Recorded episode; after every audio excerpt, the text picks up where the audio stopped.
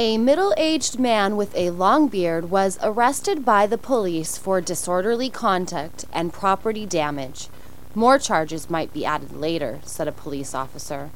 The man, identified as Bill Wild, checked into the Motel 5 last night, about an hour after sunset. Telling the clerk that he would be staying four nights, he paid cash in advance. He then asked her where a grocery store was.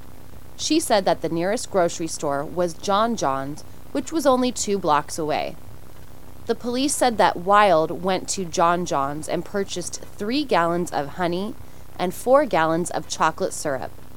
The checker asked him what the occasion was. He replied, I'm trying to become a sweeter person. The checker smiled at the joke.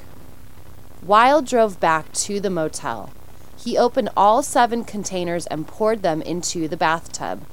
He added warm water to the mix. Then he placed his boombox on the bathroom floor next to the tub. He tuned the radio to an opera station. He got undressed, hopped into the tub, and started singing loudly with the music. Fifteen minutes later, the lodgers in the room next door phoned the clerk. She banged on Wild's door, but he kept singing. She phoned his room, but he didn't answer. Then she called the police, who arrived quickly.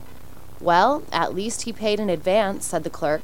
That money will help pay for the plumber. The bathtub drain was completely clogged. The tub remained full of chocolate and honey.